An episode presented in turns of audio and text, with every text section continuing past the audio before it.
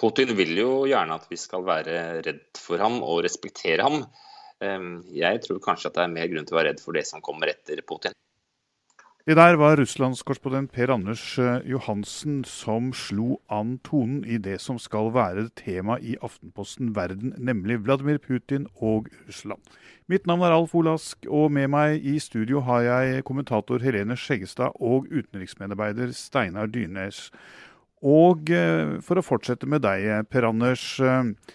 Eh, vi er nå i en situasjon hvor eh, disse sanksjonene fra Europa, USA, har vart lenge. Oljeprisen har falt.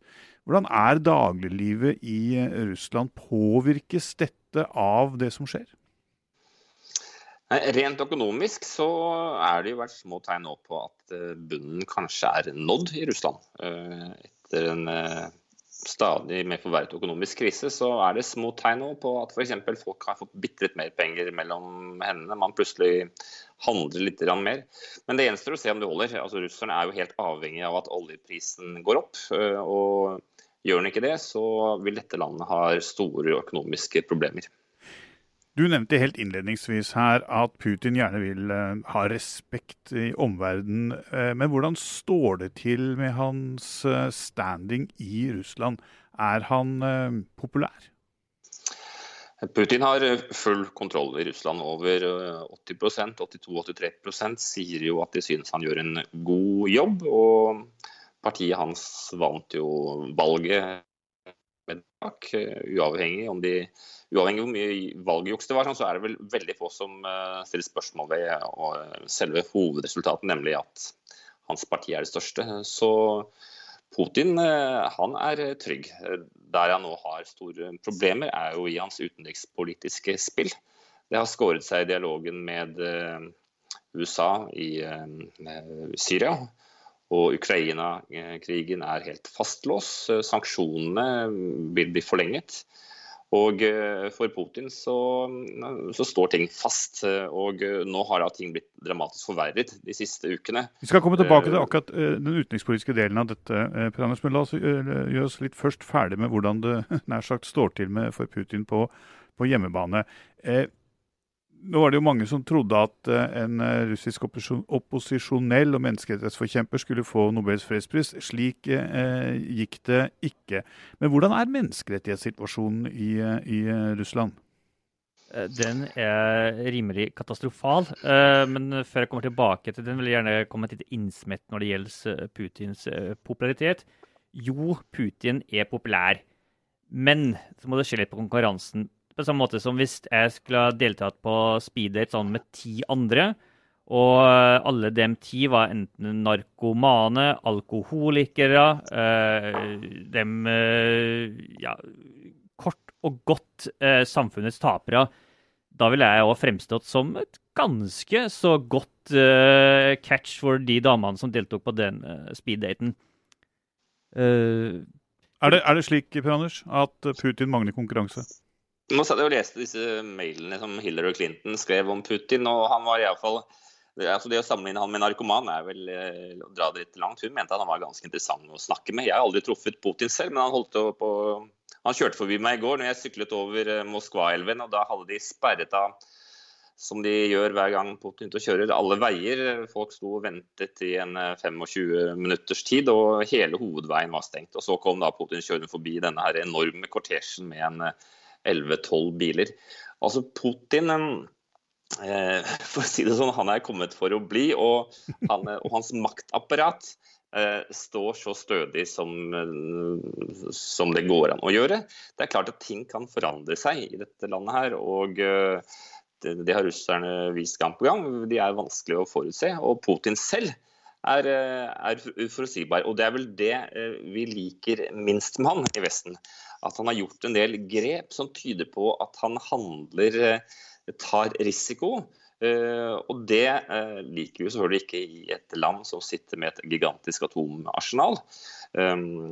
Men det russiske diplomatiet, de, russ, de russiske politikere, det apparatet, det jobber jo videre og prøver å, å, løse det som er Russlands sikkerhetsinteresser til hver tid.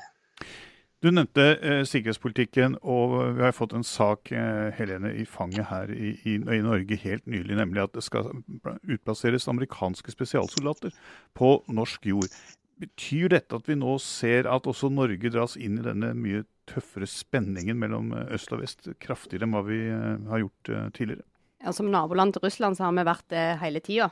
Men vi ser jo igjen at disse gamle begrepene fra den kalde krigen, med beroligelse og avskrekking, den løftes fram igjen. Og det du sier med disse amerikanske soldatene, er jo typisk et sånn avskrekking eksempel. At man viser hvor tett opp til Nato vi faktisk er. Samtidig så kom det jo òg i, i, natt melding om samarbeid med seismikk mellom Norge og Russland. Som igjen dette samarbeid- og beroligelsessporet. Så man ser liksom at uh, de to, to, begrepene fra den kalde krigen får et slags uh, oppuss, da. Uh, og blir igjen aktuelle. Hvordan, hvordan reagerer man i, i, i Moskva på, på, disse meldingene om disse amerikanske spesialsoldatene i, i Norge, Per Anders? Du, russerne de sitter og plukker opp uh, det som passer dem til enhver tid, og blåser det opp. Altså F.eks. For den, den forrige saken fra Norge, gjerdet, grensegjerdet mellom Russland og, um, og, Norge, valgte man å gjøre, gjøre en sak av, og det gjør man helt sikkert av den er sånn. Sett i det store bildet så er det jo, har det jo ingen verdens ting å si om det er 50, 100 eller 150 amerikanske spesialsoldater i, i midten av Norge. På den andre siden av grensen i Murmansk-distriktet så står det jo over 10 000 eh, soldater, russiske soldater klare. Eh, dette er et av de tettest eh, militariserte områdene i verden. Så russere vet jo, eller det russiske militæret vet at dette her er ingen verdens trussel mot dem. Men av en eller annen grunn så ser altså russiske myndigheter seg interessert i å fremstille det som om USA, Nato truer, utfordrer, plager russerne. Det er liksom den gjennomgående historien vi hele tiden blir det fortalt. Det handler jo, handler jo og... veldig mye om hvilke historier som bygges opp holdt jeg på å si, på begge sider uh, av, uh, av, uh, av, forholdet. Og, og, russerne er jo eksperter på det du sier, Per Anders, å bygge et slags narrativ. Og, og styrke det, og velge de sakene som styrker det. Og akkurat nå så er det jo Eh, alt blir jo tolka inn i en kjempestor konspirasjonsteori der, eh, der eh, Vesten er ute etter Altså det moralsk forfalne Vestene truer Russland, og Russland slår tilbake. Et slags fiendebilde som bygges opp, som ikke nødvendigvis er reelt, men som man da Man plukker da nyhetssaker for å for å støtte opp om det. Og det er de jo eksperter på i det propagandamaskineriet som du skjønner godt til, Per Anders. Ja, nei, altså det er, jo, er, det noe som gjør meg redd, så er det jo å se på russisk TV. Eh, og da er, Når de presenterer den ene historien til den andre. og da, For å være helt ærlig, så fremstår det nesten av og til som litt avslappende å se Putin komme på, på fjernsynsruten. Og det gjør han jo hver eneste dag. Eh, han prater jo og prater og prater hele tiden med det russiske folk. Eh, og eh, da nei, en, en resonnerende, rolig politiker som beroliger russerne og gir dem en forhåpning om at samfunnet vårt skal være stabilt. Og, og, det tror jeg de aller fleste russerne ønsker. De ønsker ikke noen revolusjon, de ønsker ikke et nytt uh, eh, 90-tall. De ønsker et, et, rolig liv, og de ønsker heller ikke krig. Husk at når Putin gikk inn i Syria for et år siden, så var det jo faktisk ganske mye misnøye med det i det russiske samfunnet. Og nå har krigen pågått i ett år, og det går dårligere og dårligere. Eh, etter å ha vunnet en del seier i starten, så ser jo russerne at uh, dette her uh, er ikke en krig som er over med det første. De nytter ikke å bare sitte og trykke på knapper og sende av gårde bomber. Det Syria-problemet må de uh, løse sammen med Vesten. Men du nevnte selv vi, skal snakke, vi kan snakke både om Syria og Ukraina. Poenget er, er jo at sånn som gjelder Ukraina f.eks., så er jo Vesten og resten av verden i ferd med å venne seg til den situasjonen som man tok så kraftig avstand fra bare for, for kort eh, tid siden. Og er ikke da dette et bevis på at Putin på en måte lykkes med dette litt uthalingsdiplomatiet sitt? Mange mente jo at Syria-inntoget var en slags avledningsmanøver fra Ukraina. Altså, det er jo umulig å vite hva som foregår inni hodet på Putin til enhver tid. Men jeg tror vi gjør oss selv en bjørntjeneste hvis vi tror at han er eh, dum, gal eller ikke eh, tenker gjennom eh, det han gjør. Ukraina er en komplisert situasjon akkurat nå. Og det skal være nye samtaler, nye toppmøter mellom presidentene. Og ja, Putin og, og, Russland sitter med en avgjørende Sitter med nøkkelen til å løse krigen. Men eh, i Vesten så ser jo også mange at eh, Ukraina har en del ting de må ha gjort. Og eh, ser vi på Minsk-avtalen, så er det klart at hvis russerne først sørger for at opprørerne legger vekk våpnene, så er det langt fra sikkert at Ukraina vil være med på å gjøre det som er resten av avtalene i, i Minsk. Denne Hey, I'm Ryan Reynolds. Recently, I asked Mint Mobile's legal team if big wireless companies are allowed to raise prices due to inflation. They said yes. And then when I asked if raising prices technically violates those onerous two-year contracts, they said, "What the f*** are you talking about? You insane Hollywood ass." So to recap, we're cutting the price of Mint Unlimited from $30 a month to just $15 a month. Give it a try at mintmobile.com slash switch. $45 up front for three months plus taxes and fees. Promo for new customers for limited time. Unlimited more than 40 gigabytes per month. Slows. Full terms at mintmobile.com. Uh, Ukraina er bare veldig komplisert, og uh, det blir spennende å se om presidenten presidentene klarer å få til en løsning når noen setter seg ned igjen. Det er lenge siden sist. Steinar, da du som korrespondent var i Ukraina og dekket opprøret på plassen osv. Eh, det begynner å bli år siden. Hadde du da trodd at eh, denne konflikten skulle trekke ut og, og trekke ut eh, med tanke på hvordan Vestens retorikk var den gangen? Når Putin først gikk til det skritt å da annektere Krim og sende soldater inn i uh, Sørøst-Ukraina, så skjønte jeg vel relativt fort at det ville ta veldig lang tid. Uh, selv om det i begynnelsen eh, var det jo en veldig stor spenning hvorvidt uh, Putin klarte å få til det som trolig var målet, at det opprøret skulle spre seg som ild gjennom uh, tørt gress gjennom store deler av østlige og sørlige Ukraina, slik at landet i praksis ble delt i, i, i to. Uh, det ble det jo ikke. Uh, det mislyktes jo Putin med. Nå er opprøret isolert en veldig liten del, som kan, kanskje 3-4-5 uh, i hvert fall målt i geografisk størrelse sør-øst i, i, landet. Når de da bitt seg fast der, så skjønte jeg jo at det tar vel veldig ta lang tid før det kom en løsning, for det var en løsning som ingen av partene var fornøyd med. Uh, og ellers vil jeg si det at jeg er helt enig med Per Anders at uh, det er veldig farlig å undervurdere Putin. Han er på ingen måte en idiot eller dumming. Og jeg mente på, heller ikke se på ingen måte å sammenligne Putin med en narkoman. Det jeg mente, grunnen til at han er, uh, En av grunnene til at han er populær, er det at konkurransen er veldig begrensa. På samme måte som hvis jeg satte meg i baren sammen med enten narkomane, døgenikta eller en gjeng andre tapere, så hadde jeg plutselig blitt et, et catch. Uh, og det er litt av bakgrunnen for når jeg var på Levada-senteret. Det var vel i fjor vår og sånt, og snakka med lederen for Levada-senteret. Så kalte han uh, Putin for ei kunstig skapt TV-stjerne. Uh, fordi han hadde eliminert enhver konkurranse, og den konkurransen som gjensto, fremsto ikke som så veldig attraktiv. Og en av grunnene til at de ikke fremstår som attraktive, er jo det at de blir fremstilt som et særdeles negativt lys i russisk eh, presse. F.eks. blir opposisjonsleder Aleksej Navalnyj fremstilt som en, eh, som en skurk. Den andre av dem, som var de tre store opposisjonslederne, Mikhail Kasjanov, uh, han har fått videoopptak fra skjult kamera fra soverommet sitt med elskerinna spredt for enhver uh, uh, vind, holdt jeg på å si, i, i Russland. Og, den, og, sånt er jo ikke image-skapende, kanskje? Uh, det er helt riktig. Og den siste uh, veldig store opposisjonslederen, uh, Boris Nemtsov, han er skutt.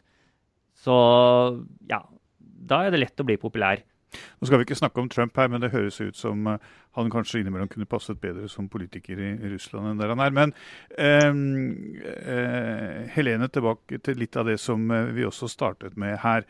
Eh, har ikke Putin lykkes med tanke på eh, diplomatiet rundt Syria, hva som har skjedd i Ukraina, eh, Russlands rolle i forbindelse med Iranens atomavtale og slikt. Har han ikke nå lykkes med å bli nettopp den spilleren på verdens arena som han eh, lenge har ønsket å være? Ja, Han benytta seg jo av at eh, USA og Obama så en litt annen vei i en periode, og gjorde seg definitivt til en spiller igjen, da, i, eh, og særlig i Midtøsten. Eh, så kan man si at det er flere grunner til at han valgte å gå inn i Syria. Eh, det er en gammel alliert. Han reagerte på eh, at det kom dette internasjonale overdømmet som kom inn i nasjonalstater. I tillegg så var det en god anledning til å teste ut litt militært personell, og kanskje han kunne liksom innkassere en ganske lett utenrikspolitisk seier. Men så tror jeg det har nok ikke gått Det var jo et høyt spill. Eh, Syria er en eh, hengemyr og har jo nå så mange aktører eh, at det er jo kø i luften der for å slippe bomber. og det har nok ikke gått så veldig bra som man hadde tenkt. Det var ikke rett inn og rett ut. Og de ser jo nå at det er en mye mer langsiktig løsning som må til. Og det er jo egentlig litt dumt da for oss som har fulgt Syria-prosessen nøye. For det, gjort, det, har blitt gjort veldig mye på bakrommet. Eh, vi vet at eh, Kerry og Lavrov har hatt en tradisjonell eh, god tone, og mange biter falt altså på plass. Som man kunne sett for seg var et første skritt på veien videre. Så når da de to begynner å liksom bitche mot hverandre i, i FN, og, og, de bryter forhandlingene og i det hele tatt, så, så, var det faktisk en ganske stor utvikling, da. Eh, og selvfølgelig verst for, eh, for eh, folk i Syria, og da særlig Aleppo. Uh, per Anders, vi kan ikke runde av dette her uten å snakke litt om de to nye turtelduene i europeisk politikk, hadde jeg nær sagt, nemlig Putin og den tyrkiske presidenten Erdogan. Det, disse samtalene som de nå hadde, hvor, hvor, tett er forholdet nå med tanke på all den alle de problemene det har vært eh, de siste årene? Nei, I løpet av uh, ca. to måneder så har jo Erdogan og Putin møttes tre ganger, nå sist i um, Istanbul. Og der fikk man på plass en par veldig viktige avtaler, ikke minst Turkish Stream. Tyrkia og Russland skal samarbeide om atomkraft, hvor russerne skal bygge atomkraftverk for dem. og de har begynt å snakke om et tettere militært eh, teknisk samarbeid, som de kaller dem. Ut, uh, samarbeidet på etterretningsspørsmål, uh, sikkerhetsspørsmål. Men utover det så var det klart at altså, det, ingen hadde vel trodd at det skulle gå så fort å reparere forholdet mellom Russland og Tyrkia, når vi ser hvordan det var for bare et halvt år siden. Hvor Tyrkia ble fremstilt nærmest som et, eh, som et ondskapens eh, land. Jeg husker veldig godt eh, bare noen dager etter at tyrkerne skjøt ned det russiske jagerflyet, så var jo russiske fjernsyn fulle av gamle dokumentarer om sultanenes evige krig med Russland, og man, hvor man nærmest satt den siste konflikten i Tyrkia inn i et århundre langt, eller nesten tusen år langt perspektiv i Russlands eksistens. Så det er liksom lang vei å gå til å måte, gjøre forholdet mellom Tyrkia og Russland eh, så farlig at det er en eh, reell strategisk trussel.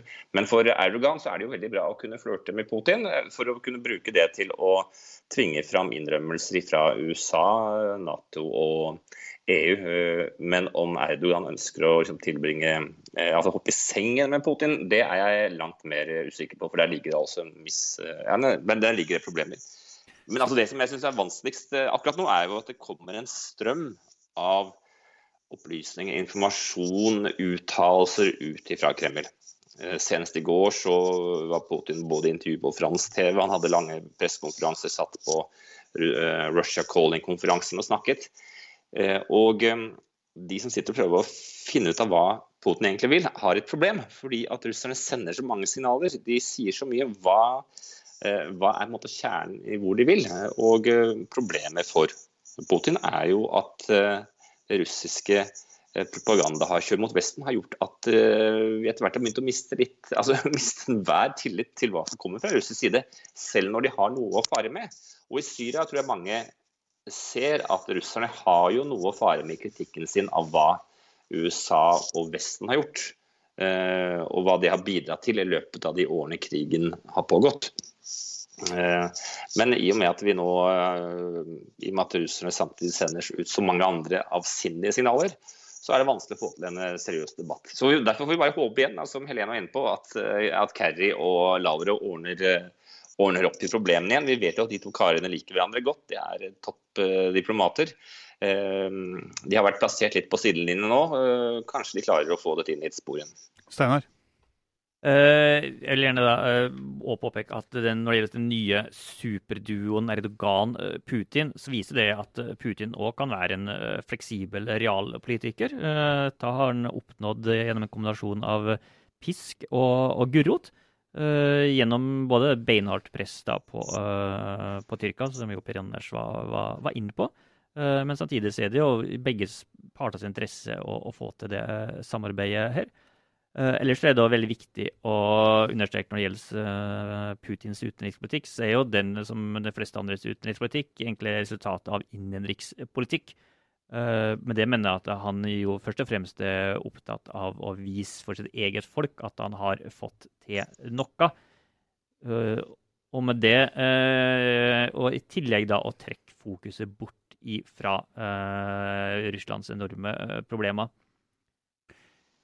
Ja, ja det, det, det, du sier jeg tror jeg er veldig viktig, Steinar. fordi at jeg føler jo at mye av denne utenrikspolitiske utskjellingen av Vesten nærmest fremstår som en slags avledningsmanøver.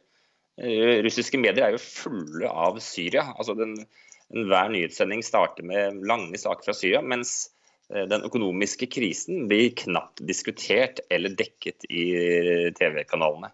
Eh, så det virker nesten som en slags avledningsmanøver fra, fra det som egentlig er de reelle problemene for Putin. Og Putin selv skjønner jo at løser han ikke økonomiproblemene i Russland, så, så kan mye gå veldig galt. Da lar vi det være eh, siste ordet om en person som unektelig preger vår tid. Dette var det vi hadde i denne utgaven av Aftenposten Verden. Du kan eh, følge oss på Twitter og Facebook. Kom gjerne med innspill. Aftenpostens utenriksjournalistikk finner du også på alle plattformer. Ja, du finner oss også på papir i en postkasse nær deg. Mitt navn er fortsatt Alf Olask. Vi er tilbake om en uke.